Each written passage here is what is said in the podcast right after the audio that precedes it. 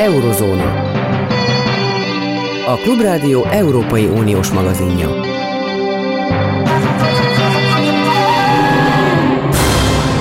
Jó napot kívánok, Zentai Péter vagyok, az elmúlt napok nagy híre, ami szerintem az égvilágon semmilyen tekintetben nem érdemel igazi figyelmet, de a világ számára izgalmasnak látszik, hogy az orosz és a kínai vezetők találkoztak, átölelni nem öltelték át egymást, de azt mondták, hogy mi örök barátok vagyunk, aztán az égvilágon semmi sem történt, mondom én. Kíváncsi vagyok, hogy Benderovszki Anton eh, Oroszország eh, Ukrajna szakértő mit mond, de még egy bevezető mondat és egy kérdés hozzá, hogy nem arról van szó, hogy Putyin megalázkodott? Kívülről van egy ilyen értelmezése is a, dolognak, hogy Putyin korábban megvárakoztatta a, a, a partnereit, sőt volt, hogy megalázta a partnereit látványosan, nyilvánosan, látta, vagy azt ugye mutatva, hogy ő, ő, ő, ő egy nagy hatalomnak a vezetője, és gyakorlatilag mindent megtehet büntetlenül, mert egy világ legnagyobb országáról és a világ atom, egyik atom hatalmáról van szó. Ugye ezek az idők már elmúltak, de, de az orosz-kínai találkozóban én azt gondolom, hogy az részben egy szándékos kommunikáció volt, amit, amit Oroszország elkövetett, hogy uh, hogyan fogadták uh, Xi Jinping, ugye, vörös szőnyeg, nem tudom, katonai fúvószenekar, uh, a város szerte, Moszkva szerte elhelyezett plakátok, amelyben leírták, hogy melegen üdvözli Oroszország a kínai elnököt. Tehát ez, ez mind egyfajta szertartásnak a részei voltak, és az, hogy Putyin szándékosan nem helyezkedett be, bele egy ilyen ö, fölényes pozícióba, azt gondolom, hogy az, az, az, az, az nem egy, hogy mondjam, nem, nem abból következett, hogy Putyin megaláztatta magát, és szándékosan, hanem abból következett, hogy ő azt akarta bemutatni, elsősorban itt, elsősorban itt az orosz lakosság volt ugye a címzet, azt akarta bemutatni ezzel, hogy itt valóban nagyon szoros baráti viszony van a két vezető között, hogy ők Kína is nagyra értékeli Oroszországot, Oroszország is nagyra értékeli Kínát. Ez egy hosszú távú gyümölcsöző kapcsolatnak a kezdete, hogyha problémák vannak most a nyugattal, de hát nem érdekli ez most senkit, mert itt van nekünk a, a, a nagy Kína, amely nem csak nem csak az Egyesült Államok világrendjére nézve egy kihívó, hanem, hanem ahogy ugye az orosz média is bemutatja, lényegében már néhány éven belül a világ vezető hatalma lesz. Hát az orosz média olyan szalagcímekkel jött ki, hogy aggódnak az Egyesült Államokban az orosz-kínai tengely mindenkit, nem tudom, legyőz. Vagy voltak olyan szalagcímek, hogy a a világrend jövője Moszkvában dől el. A világrendi átrendeződés zajlik. Xi Jinping és Vladimir Putyin hatalma töretlen lesz a következő években. Tehát ezek az akciók ugye én azt gondolom, hogy valamilyen szinten ez szándékos volt, hogy az, hogy mi egyébként mit szűrtünk le belőle kívülről, mondjuk nyugati szempontból, az egy másik dolog, de valószínűleg az orosz vezetés szándékosan akarta ezt így bemutatni, hogy ez egy, ez egy nagyon szoros, közeli gyakorlatilag baráti viszony a két vezetőről. Egyébként Putyin pontosan ezeket a szavakat használta, Xi Jinping nem. Vladimir Putyin mondta azt, hogy, hogy, hogy, baráti, ilyen társviszony van a közte és ugye Xi Jinping között. Tehát én azt gondolom, hogy ez a szándékos kommunikációnak a része volt, hogy így mutassák be a kínai vezető vizitjét és a kínai-orosz kapcsolatoknak a jelenét és jövőjét. Mellesleg ha elfogadjuk, hogy ez elsősorban az orosz közvéleménynek szóló formalitásrendszer volt is, azért az orosz közvélemény nem te, teljesen hülye. Azért nyilván Antonnak rengeteg orosz barátja van, az egy másik kérdés, hogy ők olyan körökhöz tartanak, akik eleve kritikusan gondolkodnak valószínűleg. De azért hol, hol, hol olvashattak arról, hogy milyen megállapodások születtek Xi Jinpinggel? Hol olvashattak arról, hogy ennek a találkozónak game changer, a játékot fölborító és forradalmi jelentősége lehet az ukrajnai, úgymond különleges hadműveletek jövője szemszögéből. Sehol, egy sort nem tudtak erről olvasni, csak ilyen jelszavakat tudtak a, a, a, a la Szovjetunió, a la Brezsnyevéra alapon olvasni. Hát ez, ez, ezt ismerik már az oroszok, és ebből elegük van? Részben így van, tehát valóban konkrétumok ugye nem születtek ezen a, ezen a találkozón, ami, hogy mondjam, némileg furcsa olyan szempontból, hogy akkor szoktak szervezni két oldalú ilyen magas szintű találkozót, hogyha vagy van valamilyen konkrét megállapodás, amit ki tudnak kommunikálni, amit alá tudnak írni, vagy amikor mondjuk az egyik oldal valóban nagyon szeretné ezt a találkozót különböző okokból, vagy a harmadik, hogy szimbolikus jelentősége nagy egy ilyen találkozónak, és itt elsősorban ennek a találkozónak a szimbolikus jelentősége miatt volt, volt értelme, hogy bemutassa, hogy, hogy Oroszország nem szigetelődött el, Kína mellette van, de valóban konkrétumok nem voltak, aláírtak memorandumokat, egyébként 14 különböző memorandumot írt alá a két fél, de hogyha megné- és ezek, ezek nyilvános szövegek, tehát annak ellenére, hogy egyébként a média nem tudta ezt, az orosz média nem tudta ezt nagyon felhasználni, hát azért nem tudta felhasználni, mert mert nem túl jelentősek ezek, a, ezek a, a, az egyességek. Hát olyanokat találunk benne, hogy meg, memorandum, elmélyült, elmélyült együttműködésben a, a kiállítási tevékenységben, vagy memorandum a közös televíziós programok előállításáról, vagy memorandumok az erdészeti erőforrások közös felhasználása, felhasználásáról. Tehát ezek azért nem, hogy mondjam, nem olyan stratégiai jelentőségű, nagy erejű, nagy horderejű megállapodások, amelyek mondjuk segíthetik az orosz hadsereget az orosz-ukrán háború során, vagy amelyek kisegíthetik a, mm, az orosz gazdaságot a, ugye a költségvetési deficit leküzdésében.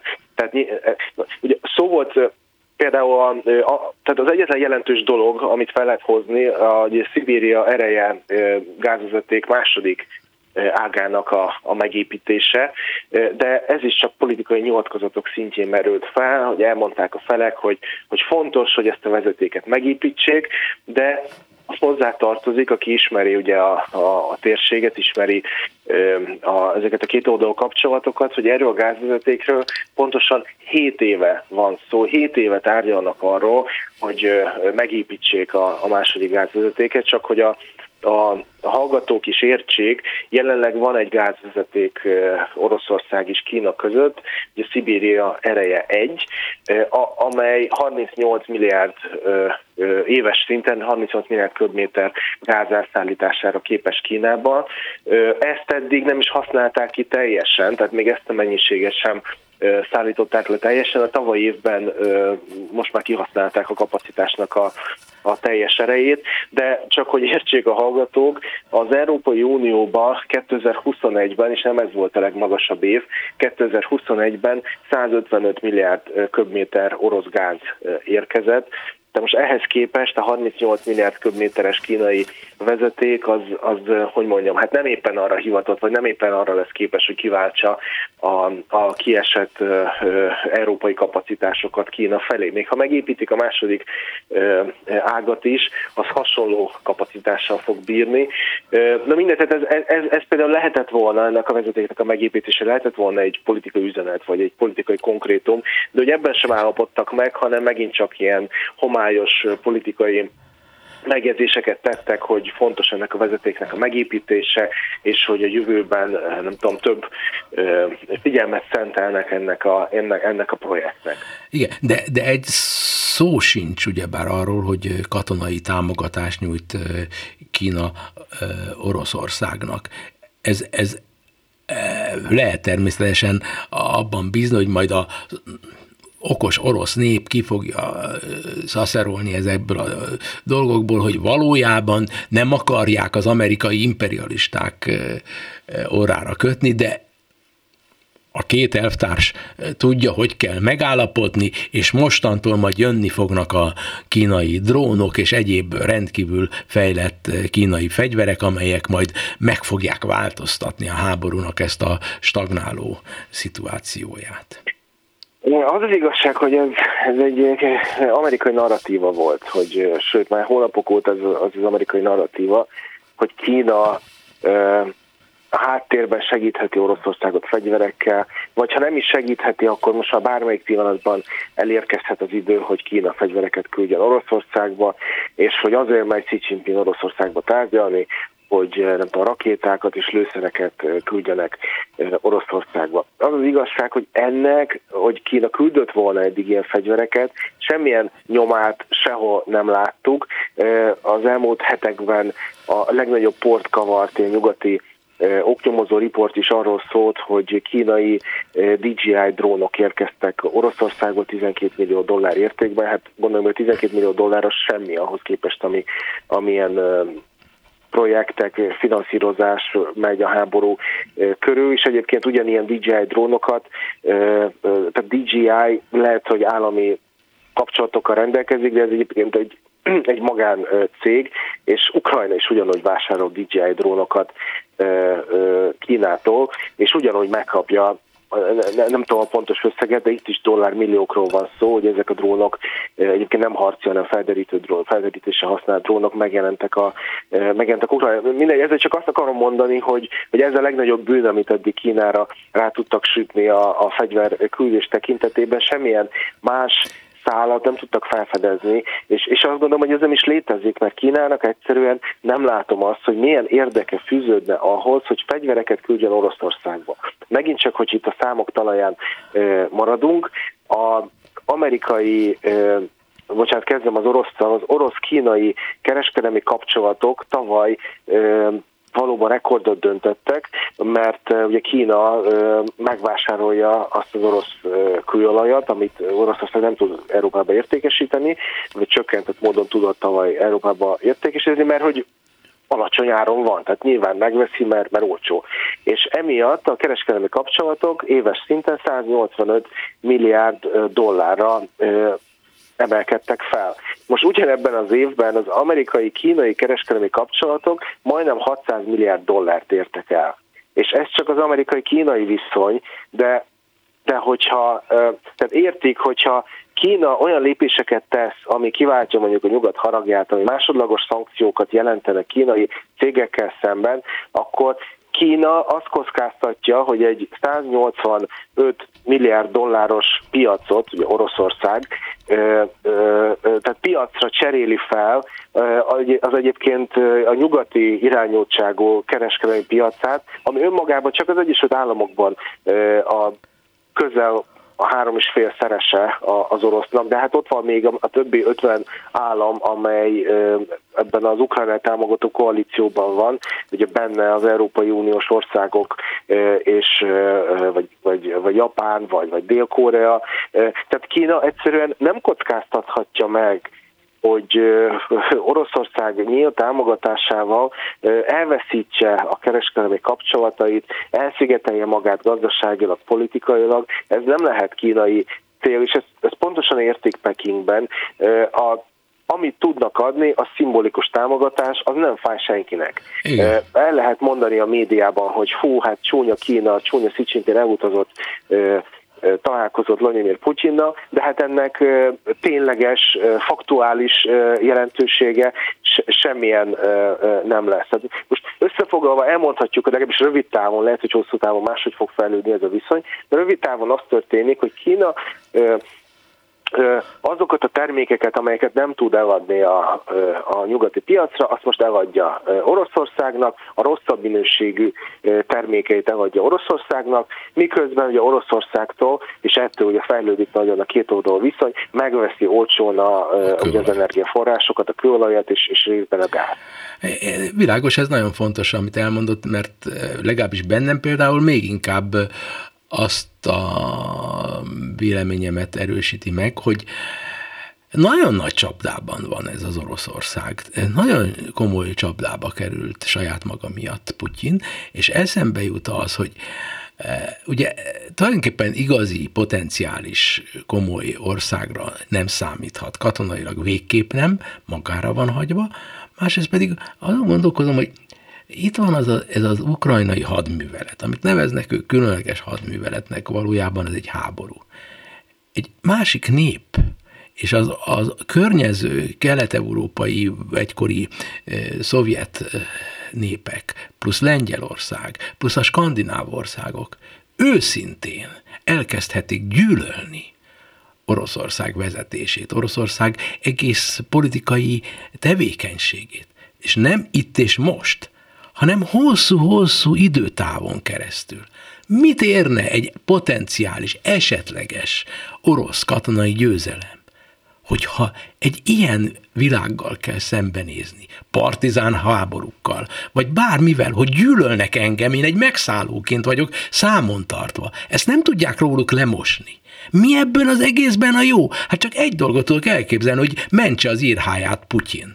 Csak ezért csinál már mindent. Gondolom én. Nem tudom, hogy mennyire okos vagy nem okos, amiket én itt felvetettem. Hát én ilyen szempontból pessimistán vagyok. Sajnos van egy ugye, 20. századi tapasztalat, történelmi tapasztalat a hátunk mögött. Azért gondoljuk azt, hogy Oroszországnak rossz, mert nyilván rossz, de hogy hosszú távon rossz, amit, amit tesznek, mert alapvetően egy demokratikus, nyitott világban hiszünk, és egy nyitott demokratikus világban ez nem megtűrt magatartás, amit, amit Oroszország csinál. De hogyha visszatérünk a nem tudom, 20. században is működő érdekszférák világához, ha visszatérünk a, mm, a katonai blokkok, szövetségek világához, akkor Oroszországnak alapvetően ilyen szempontból nem kell jobban lenni a, nem tudom, a nyugat, vagy nem kell jobban lenni Lengyelországgal. Elég, ha Oroszország a saját katonai mm, tudása vagy képességi alapján képes megszállás alatt tartani erővel egy, egy olyan térséget. Ugyanezt láttuk, hogy a szovjet korszakban a, a balti államokat fegyverrel tudták pacifikálni, ezek szovjet tagországok voltak, de hát ott volt még a, a, a keleti blokk, Lengyelországgal, Magyarországgal, ahol szintén bár a lakosság nem volt túl boldog és túl elégedett, de a szovjet fegyverek elegendőnek bizonyultak ahhoz, hogy évtizedeken keresztül kordába tartsák ezt a, ezt a népességet. Bendezsevszki Anton arról is beszélt, ismétlem ezt most Nagy Gábornak, aki már itt van a telefonvonalban, hogy az Egyesült Államok számára semmiféle igazi kihívást nem jelentett Xi Jinping moszkvai látogatása. Neked is ez a véleményed, Szervusz Gábor, hogy Amerikát ez abszolút nem érintette? Én nem gondolom, hogy nem érintette volna Amerikát, hiszen akkor nem figyelmeztették volna Xi Jinpinget, hogy ne barátkozzon ne barátkozzon Putyin, Vladimir Putyinnal. Jelennek meg az amerikai külpolitikai szaklapokban olyan cikkek, hogy történjen bármi, vagy gondolhat bármit az Egyesült Államok arról, hogy mennyire rossz dolog is az, hogyha összefog Putyin és Xi Jinping, Oroszország és Kína, arra az Egyesült Államoknak valószínűleg föl kell készülni, az az unipoláris világ, amiben ő volt a megkérdőjelezhetetlen vezető hatalom, és kialakult a hidegháború vége után, az valószínűleg véget fog érni, mert Kína mindenképpen különféle, nem csak a moszkvai látogatás kapcsán, különféle más módon is bejelentkezett az Egyesült Államok kihívója szerepére, és hogyha ehhez megnyeri még Vladimir Putyin támogatását, hozzájut ahhoz az energiaforráshoz, hoz, amiről beszéltetek az előbb, és még hozzájut olyan katonai és nukleáris technológiához, amit előbb-utóbb Putyin kénytelen lesz felajánlani, akkor igenis Washingtonban kell, hogy erre valamiféle választ adjanak, és kell, hogy fájjon egy kicsit a fejük. Antonnak az volt a véleménye, hogy nem várható, hogy fölajánl, ugye véletlenül mondtad, hogy Putyin fog fölajánlani, nem, a, már a kínai kénytelen lesz fölajánlani Putyin számára. Miért feltételezitek azok, akik ismeritek Amerikát, hogy neki hajlandó kockáztatni azt a rendkívül hatalmas jelentőségű kapcsolatot, kapcsolatrendszert, ami a nyugattal összeköti őket, hogy, hogy odaadjon komoly haderőt Oroszországnak. Hát nem ad erőt, bocsánat, én arról beszéltem, hogy Oroszország ad nukleáris technológiát. Ja, ja értem, bocsánat, értem, értem. Te, akkor én félreértettelek, bocsánat, de, és a hallgatóktól is. Tudok ettől még válaszolni a kérdéshez, de csak én másik irányt mondtam. Értem, de én teljesen félreértettelek, elnézést kérek. Jelenleg, jelenleg Kínának már nem az Egyesült Államok a legfontosabb kereskedelmi partner, hanem Európa, és Európán belül az Európai Unió azért Kína és a kínai kapcsolatok ügyében Eh, ha nem is mindig látszik, de azért megosztott, és sokkal inkább hajlandó az együttműködésre, mint az Egyesült Államok Kínával. Egyes, az Egyesült Államok most megpróbál leválni Kínáról sokféle értelemben, és megpróbálja Kínát elszigetelni, mint potenciális vetétársat sokféle értelemben. Erre vonatkozik a csiptilalom, amire Európa egy-két, szövetség, egy-két európai szövetséget is megnyertek.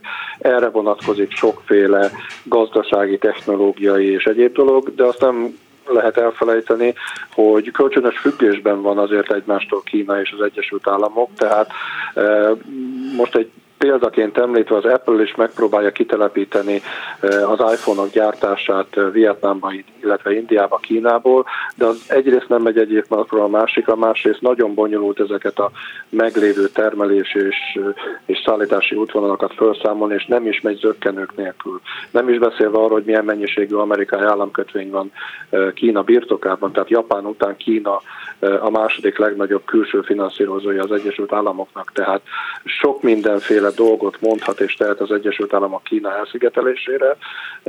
Ugyanakkor úgy gondolom, hogy az a fajta kettős függés, ami gazdaságilag és kereskedelmileg kilakult, az mérséklődhet, de mindenképpen fent fog maradni. Kis türelmet kérek. irányban. Világos. Folytatjuk a beszélgetés kis türelmet kérők. Oké, okay. oké. Okay. Eurozóna.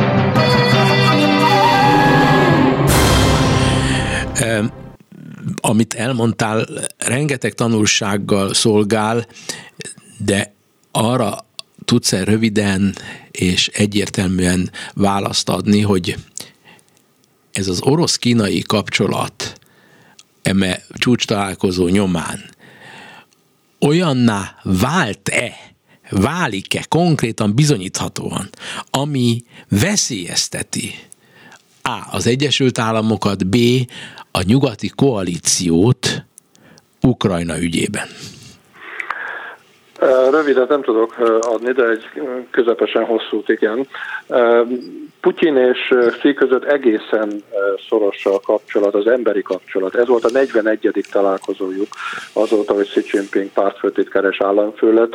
Még csak megközelítőleg sem találkozott Xi Jinping más ország vezetőjével ennyi alkalommal. Többször kijelentették egymásról, hogy mennyire jó barátok, tehát van egyfajta, az amerikai külpolitikai sajtóban úgy fogalmazott, hogy korunk a mostani kor leg, legfontosabb nem deklarált szövetsége, most a, pont a moszkvai, a Foreign Policy nevű lap fogalmazott pontosan a moszkvai találkozóval kapcsolatban, ami egészen elképesztően körül, egészen elképesztő körülmények között zajlott, tehát van egy nagyon szoros kapcsolat a két államfő között, és épül egy szoros kapcsolat a két ország között, és Kína deklarálta többször is, legutóbb Xi Jinping a parlament ülésén, amikor harmadszor is államfővé választották, hogy ők egy olyan világban gondolkodnak, amelyik multipoláris, ahogy az előbb említettem, tehát egynél több központja van, és a egynél több központban a második központot és az alternatívát az Egyesült Államok kínálta külpolitikával, gazdaságpolitikával és általában ideológiai berendezkedéssel szemben ők kívánják kínálni. Tehát én mindenképpen egy ilyen körvonalazódó ellenpontnak tekintem, vagy gondolom azt, ami most kialakulni látszik és megerősödni látszik Oroszország és Kína között. Természetesen Kína a maga lassú, felörlő, türelmes módján lépett bele ebbe a szövetségbe, ahol azért Oroszország szemmel láthatóan teret veszített, és szemben azzal, amikor Stalin és Mao idejében Stalin és később Khrushchev is megengedhette magának, hogy megalázó módon fogadja Mao Zedongot, és ebből azért a két ország szakításához is vezetett. Most a külsőségek ugyan egyenrangú partnerek, partnereket mutatnak, de a gazdaság és egyéb kapcsolatok azt jelzik, hogy ebben a kapcsolatban Kína lesz az erősebbik partner, és Oroszország a, a kisebbik partner, de mindenképpen látok egy ilyen pólus kialakulni, erre megvan a szándék Moszkvában és főleg Pekingben. Mi Európában általában nyitott gondolkodású emberek és a nyugat-európai hivatalos kormányok mindegy szálig amiatt aggódhatnak csupán, elfogadva, hogy Kína mindenképpen kihívója az Egyesült Államoknak, és ezt nem kérdőjelezi meg senki, hogy Ukrajna kap, Ukrajnában A. Fog-e Kína valami olyasmit csinálni, ami elősegítheti elméletleg a katonai győzelmet Oroszország számára, B. belenyugszik abba, hogy csak annyit kell segíteni, hogy ne szenvedjen szégyenletes vereséget e, e, Oroszország. Ez a megközelítés, az Ukrajna megközelítés egyáltalán amerikai szempontból lényeges, amikor Kínára néznek? Vagy Kínának önmagáért van e, egy, egy olyan helyzete, hogy, hogy, hogy, hogy arra, hogy félniük kell, de Ukrajnától teljesen függetlenül Kínától. Kína, hát, Kína szerintem ezt az egész ukrajnai ügyet a háta közepére nem kívánja. Valószínűleg amikor a, a, a pekingi téli olimpia előtt tavaly Xi Jinping beszélt Putyinnal, és én úgy gondolom, hogy szóba kerülhetett az a lehetőség, hogy Oroszország megtámadja Ukrajnát, akkor Putyin valószínűleg úgy adhatta elő a, ezt az egészet Xi Jinpingnek, ahogy ő is gondolta, hogy néhány nap alatt lerendezik az egészet, és akkor, akkor Ukrajna eldőlt, Zelenszkit száműzték, és lesz egy, jó esetben lesz egy vazallus állam Ukrajna. Na most nem ez történt, és Kína ezeket a rendezetlen szituációkat nem szereti. Lényeges az is, amit egyébként az ukrajnai háborúval kapcsolatban Kína mondott. Kína egyrészt mondja azt, hogy ezért az egészért a NATO felelős, egyrészt, másrészt pedig mondja azt, hogy az országok szuverenitását tiszteletben kell tartani, ezzel gondol önmagára is. Tehát van egyfajta ilyen kettős álláspontja, támogatja, és valóban én úgy gondolom, hogy a kérdésed második részével kapcsolatban az az igazság, hogy Kína nem szeretné, hogy Putyin veszítsen és Oroszország veszítsen Ukrajnában, de az sem érdekel, hogy ebben a konfliktusban ő szembe kerüljön az Egyesült Államokkal, illetve a nyugattal, hiszen Kína számára, hogyha már katonai kifejezéseket használunk, Ukrajna az igazándiból egy mellékhadszintér egy érdektelen mellékhadszintér, ahová őt szövetségesként magával viheti ugyan Putyin, de nem gondolom, hogy legalábbis jelenleg a helyzet nem úgy néz ki, és persze a jövőre nézve semmiféle jóslatot nem egyszerű tenni, de nem gondolom, hogy Xi Jinpingnek szándékában áll komoly fegyverszállítmányokkal segíteni Oroszországot abban, de valóban, ahogy mondtad, nem érdeke, hogy Oroszország veszítsen ebben a háborúban. Amerikán belül az a politikai küzdelem, ami Biden és a demokrata párt egyik oldalon, a másik oldalon pedig a republikánusok, a megosztott republikánusok egymással szemben folytatnak, és különböző állomásai vannak, nagyon látványos állomásai, ezek a világpolitikai dolgok szerepet játszanak? Van-e annak jelentősége, hogy Ron DeSantis, aki egy komoly kihívója Donald Trumpnak, immár azt mondja, hogy Putyin háborús bűnös, jól lehet korábban a republikánusok ilyeneket nem mondtak, és mi a jelentősége annak, hogy esetlegesen vád alá helyezik Donald Trumpot. Ezek a dolgok összefüggnek egyáltalán azzal a bizonyos külpolitikai tematikával, amit én most erőltetek, vagy ezeket szét kell, ahogy te szoktad mondani, hogy szálazni teljesen? Igen, ezt szoktam mondani, és most is ezt teszem. Az, hogy Trumpot vád alá helyezik és letartóztatják, ne adj Isten, az teljesen független attól, hogy mi történik a külpolitikában. Ez egyrészt egy büntetőjogi kérdés, New York államban, és nem szövetségi szinten, hanem csak New York államban. Ez egy politikai kérdés, hogy a demokraták akarják-e, megteszik-e, és hogyan reagálnak rá és a republikánusok hogyan reagálnak rá, ami pedig a kérdés az első részét illetve, hogy Ron DeSantis most mit mond, és most már ne, nem arról beszél, amiről korábban, hogy ez egy területszerző, bocsánat, egy területi vita, Oroszország és Ukrajna között, amire fölhorgattak a, a republikánus, klasszikus republikánusok és nem trumpista, nem feltétlenül trumpista, de még trumpista politikusok is. Ez azt jelenti, hogy Ron DeSantis rájött, hogy olyat mondott, amivel a republikánus párt hivatalos része nem ért egyet, és ez nem tesz jót neki, hogyha valóban Én úgy gondolom, hogy el fog indulni az elnök jelöltséget, most tulajdonképpen úgy viselkedik, és mindent úgy tesz, mintha elnök jelölt akarna lenni. Én úgy gondolom, hogy az is lesz. Neki, mint minden olyan Amerikában egyébként helyi politikusnak szám, számító kormányzónak, amilyen Bill Clinton is volt annak idején, hiszen ő is egy arkanzaszi kormányzói posztról lendült neki annak, hogy az Egyesült Államok elnöke legyen. Aki bele óvakodik ilyen módon az amerikai országos politikába, és túllép Floridán DeSantis esetében, annak, hogyha tesz olyan kijelentéseket, amire fölhördül a saját pártjának az elitje, reagálni kell, reagálnia kell, és korrigálnia kell. Én úgy gondolom, hogy ezt a korrekciót láttuk. Tőle. Na most a, a Amerika kapcsán a legtöbb hír a világban, de nem biztos, hogy megérdemelten, te ebben útban tudsz igazítani bennünket, hogy, hogy, hogy Trump sorsa. Ugye azt, mondja, azt mondják, hogy, hogy Donald Trumpnak csak jót tesz, hogyha vád alá helyezik, mert akkor még inkább népszerűség. Politikailag. Politi- politikailag hát igen, igen, igen, igen, hát igen. De hát most ő, ő nem arra hajt, hogy ő minél inkább erősítse a pozícióját a népkörében, a potenciális szavazók körében, és így egy másik fronton, a népszerűségi fronton tudja megakadályozni, hogy más legyen az elnök jelölt. Hát pont emiatt fáj a, a nem trumpista republikánusok és a demokraták feje, hogy ugyan jól mutat, hogyha Trumpot megbilincselik, és vádat emelnek ellene, és, és mindenféle csúnya dolgok történnek vele, mint vád alá helyezett emberrel, de ez politikailag visszaüthet, mert valóban azok, akik csalódtak Trumpban, vagy ne adj Isten, még azt mondják 2021. január 6-a után, hogy ez egy hazára, mármint az Egyesült Államokra veszélyes ember, azok azt mondhatják, hogy hoppá, talán mégis igaza van, hogy boszorkányüldözés folyik ellene, ellene, és akkor álljunk mellé. Tehát van a dolognak egy ilyen politikai kockázata. Van egy jogi vita is, most furcsa módon az történik, hogy a Trump úgy harangozta be a múlt szombaton, hogy már kedden le fogják, le fogják őt tartóztatni. Manhattanben összeül az ártajtók mögött ez a vádaskütszék, 23 tagja van. Ott többséggel kell dönteni arról, hogy megáll-e a vád a hallgatási pénz fizetése, mint kampánypénz törvénysértő dolog Donald Trump ellen, és ha megáll, akkor a vádat, akkor vádat emelnek ellene.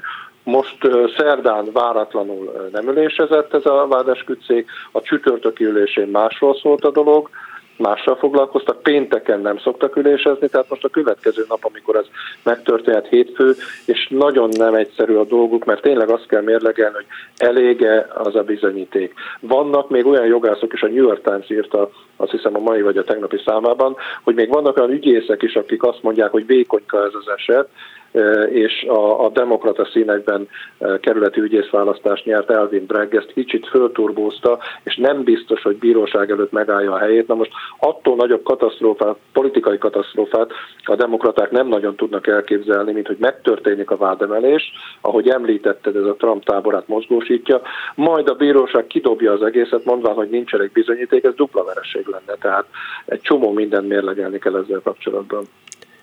Igen. Amiket elmondtál, abból én tudod, mire következtetek? Hát most elmondod, nem Nem, nem, nem, nem. Én arra következtetek, hogy eh, minél inkább lepleződik le mindaz, amit te elmondasz, annál erősebb az Egyesült Államok. És én annál jobban szurkolok az Egyesült Államoknak. Mert ezt, amit most elmondtál, Oroszország kapcsán, Kína kapcsán, Magyarország kapcsán soha a büdös életben nem tudnánk elmondani. Nem azért, mert nincs, már eleve le se lepleződne, hogy Putyin fizetette valakinek hallgatási pénzt.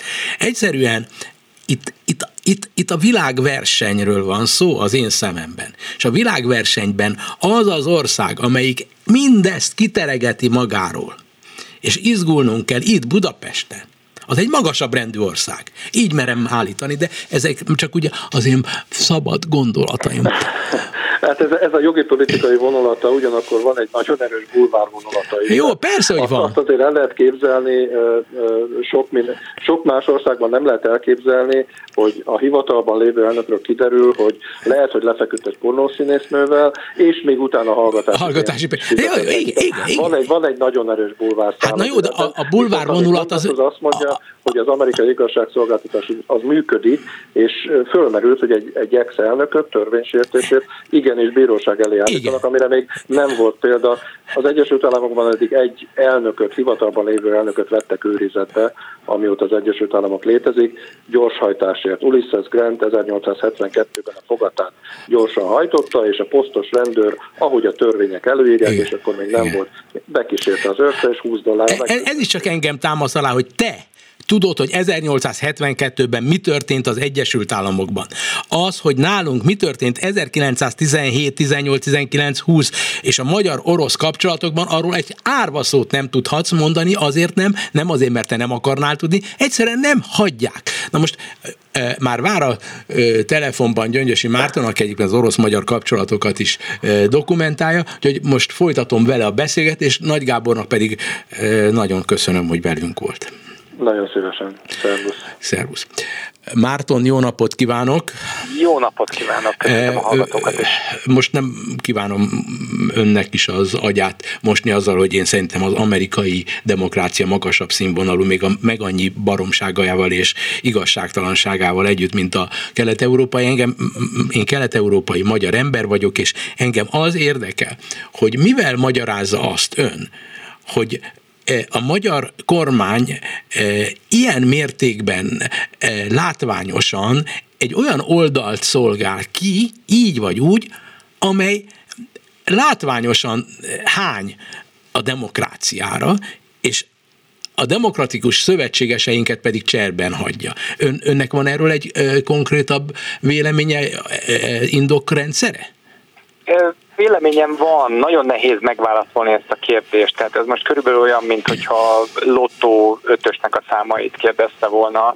E, nincs rá, és nem is tudom, hogy az én életemben valaha ki fog-e derülni az, hogy e, egy szuverenitásért 24 órában aggódó, e, magát nemzetinek apostrofáló kormányzat az, az, az miért választja azt az oldalt, amit választ, és miért áll bele ennyire látványosan és ennyire erősen ebbe a pozícióba, de olyan szinten, hogy KGB és Kirill Patriárkát akar lehúzatni a szankciós listáról, és hangoztatja napi szinten azt a narratívát, ami teljesen egyértelműen a Kremlnek a narratívája. Legyen szó a feltétel nélküli békének az erősítéséről, akár arról a, arról a narratíváról, ami tényleg a putyini propagandának a, a, az eszköze. Tehát, és, és amihez, ami már nem is biztos, hogy csak egyes kormányzati szereplőknek a száját hagyja el, bár már ugye ott is, ott is elhangoztak ilyenek, de a, kormány, a kormányzathoz köthető beszélőfejek e, mindegyike az nagyon látványosan nyomja, e, nyomja ezt a narratívát. E, ezt, ezt én nem tudom, hogy ennek zsarolás állhat-e a, a, a hátterében, tehát az, hogy konkrétan valamilyen aktákkal, valamilyen bizonyítékokkal zsarolják mondjuk konkrétan Orbán Viktort, vagy a kormányának valamelyik tagját. Én, én csak arra tudom, hogy ez egy annyira irracionális egy annyira irracionális helyzet, mert nézze, ha, ha mindenki tudja, hogy itt egy, egy nagy geopolitikai konfliktusról van szó, itt az amerikai Egyesült Államok, NATO, az Európai Unió a célpontja az orosz birodalmi terjeszkedésnek. Ezt tudjuk konkrétan, és ezt lehet bizonyítani. Egy ilyen kérdésben nyilvánvaló, hogy nem a kevesebb, mint 10 milliós Magyarország pozíciója az itt igazából se nem most, se nem szoroz. Mi ezt a nem rajtunk fog múlni ez a konfliktus.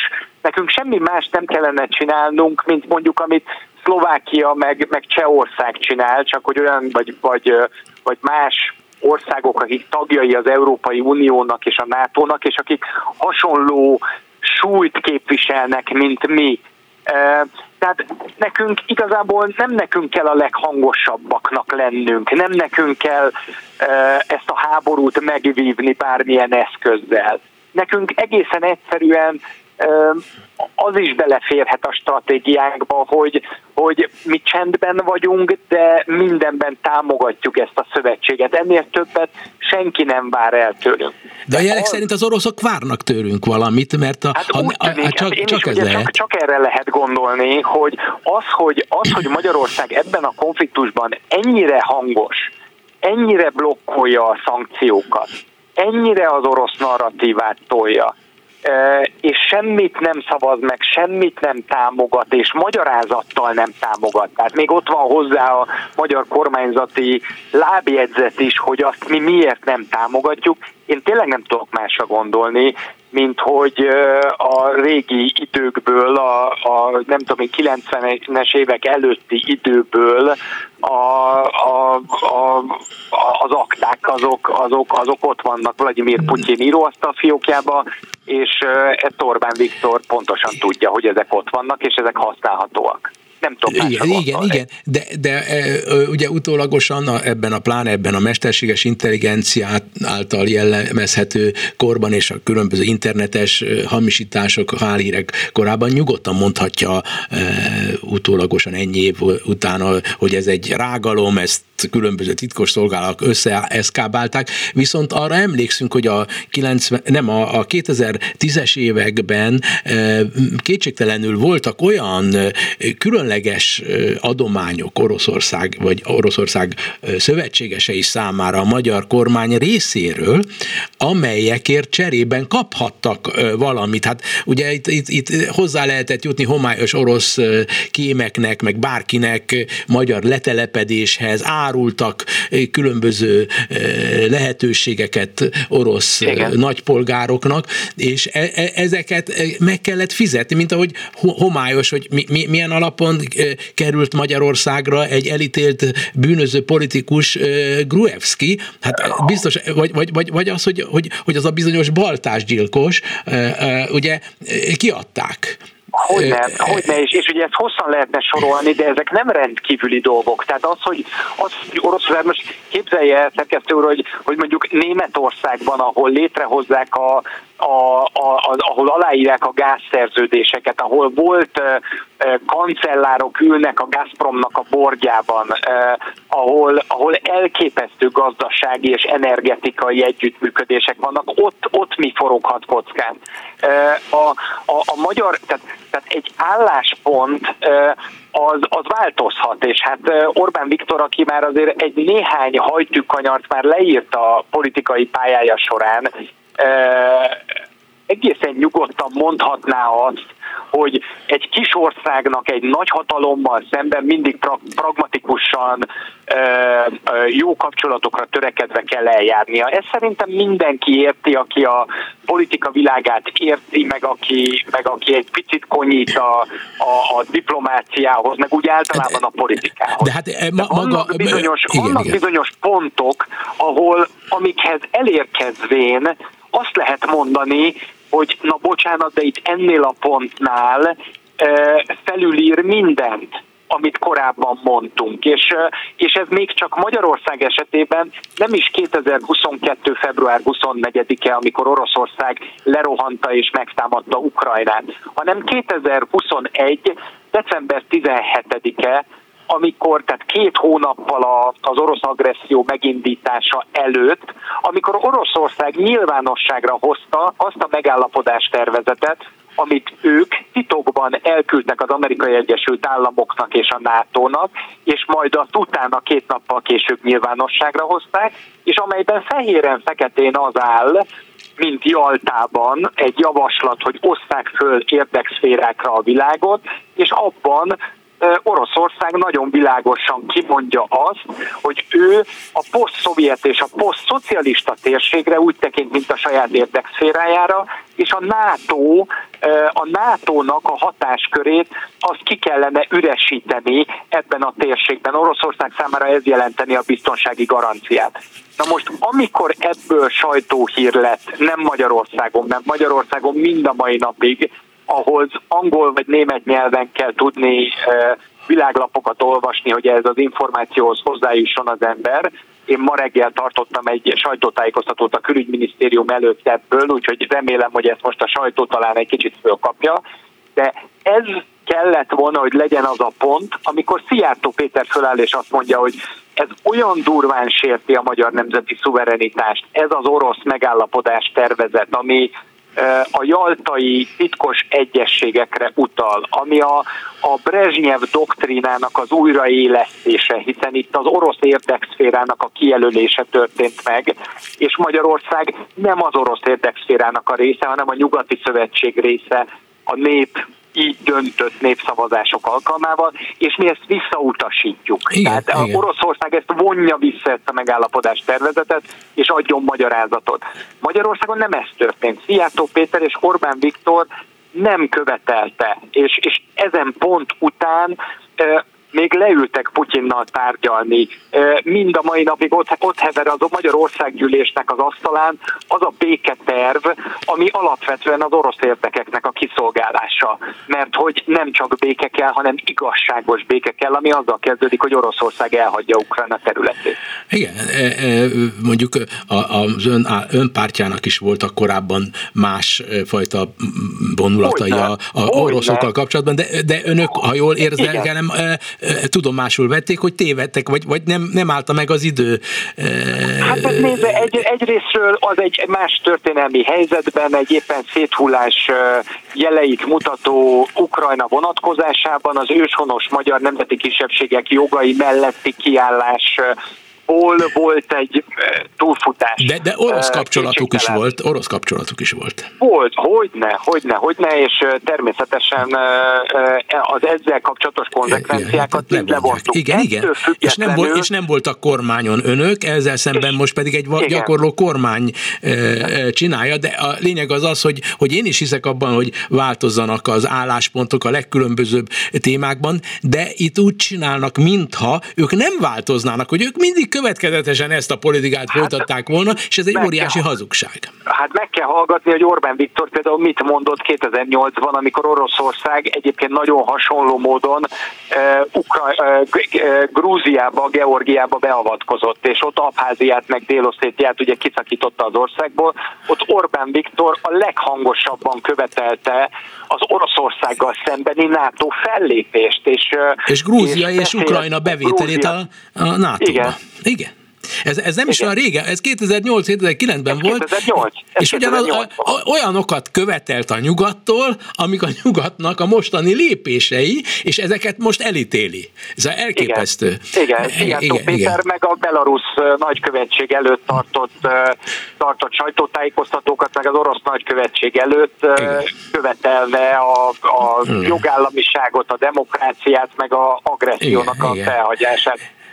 Elég nagy, elég nagy hajtjukonyar. Egyébként meg, meg szerintem ez 2021. december 15-e az pont egy jó apropó lett volna arra, hogy a magyar kormány az az, az álláspontját nagyon világossá tegye, és, és, beálljon, és, és beálljon a saját szövetségesei mellé. Az előtt meg, hogy mi energetikai, gazdasági, kereskedelmi szempontokból pragmatikusabb álláspontot foglaltunk el, mint bármelyik másik ország, az akár még magyarázható is, meg érthető is. Mi úgy gondoljuk, hogy ez az a pont, ahol, ahol, ahol a magyar nemzeti szuverenitás az védelemre szorult volna de ezt a külügyminiszter meg a miniszterelnök elszalasztotta a háború kirobbanásánál is két hónappal később. Utolsó rövid kér, rövidre válaszoljon, hogy, hogy legalább Ukrajna ügyében nem lehetne feléleszteni egy hatékony összellenzéki együttműködést Magyarországon, mert valóban a, a magyar nemzetnek a, a, a jövőbeli szégyene, vagy pedig büszkesége, ami itt a, a kérdés, ez, és, és ebben mintha egyik pártán hangosabb, a más ellenzéki párt pedig halka. Nem értem, hogy nálunk miért nem e, tudnak ebben a tekintetben egységes, hangos hangot hallatni azok, akik látják mindazt, amiről most beszélünk. Hát ez nagyjából hasonló, hasonlót képviselnek ebben az ellenzéki pártok, de valóban én is azt látom, hogy mintha lenne egy-két párt, amelyik úgy nagyon félne ettől a témától, mert hogy nehogy minket háborúpártisággal vádoljanak, pedig pedig én is a béke hangját szólok, ami soha nem zárta ki azt, hogy hogy, hogy a nemzeti szuverenitásunkért kiálljunk, hogy értsük azt, hogy ez a háború rólunk is szól, és hogy bizony mozgósítani kell a politikai és a diplomáciai eszközöket a béke érdekében, ami kizárólag igazságos béke lehet. Ehhez meg, ehhez meg, Ki kell vonni az, kell a csapatokat. Az is, hogy Oroszországgal szemben nagyon erős Igen. pozíciókat azt kimondani, a béke... és különbséget tegyünk áldozat meg agresszor között. Illetőleg, hogy a, a béke csak akkor lehet tárgyalás témája, hogyha kivonja az agresszor a csapatait, és utána leülni tárgyalni, nem előtte, mert akkor, Igen, akkor, a, akkor a diktátum alapján történik a béketárgyalás. Igen, és ez nagyon látványosan hiányzik a, a, a Fidesznek a, a békejavaslatából, ami ugye az országgyűlés előtt hever. Én ugye mindig azt szoktam mondani, hogy békéből nagyon sokféle van. 1956. november 4-én is béke köszöntött Magyarországra, de az a akasztófáknak és a jeltelen síroknak volt a békéje, azt pedig nem kívánhatjuk senkinek, eh, Igen. se barátunknak, de még ellenségünknek sem. Jó, Gyöngyösi Márton a Jobbik elnöke, köszönöm, hogy velünk volt a viszont hallásra. Köszönöm a lehetőséget, minden jó. Önök a Klubrádió Európai Uniós magazinját hallották.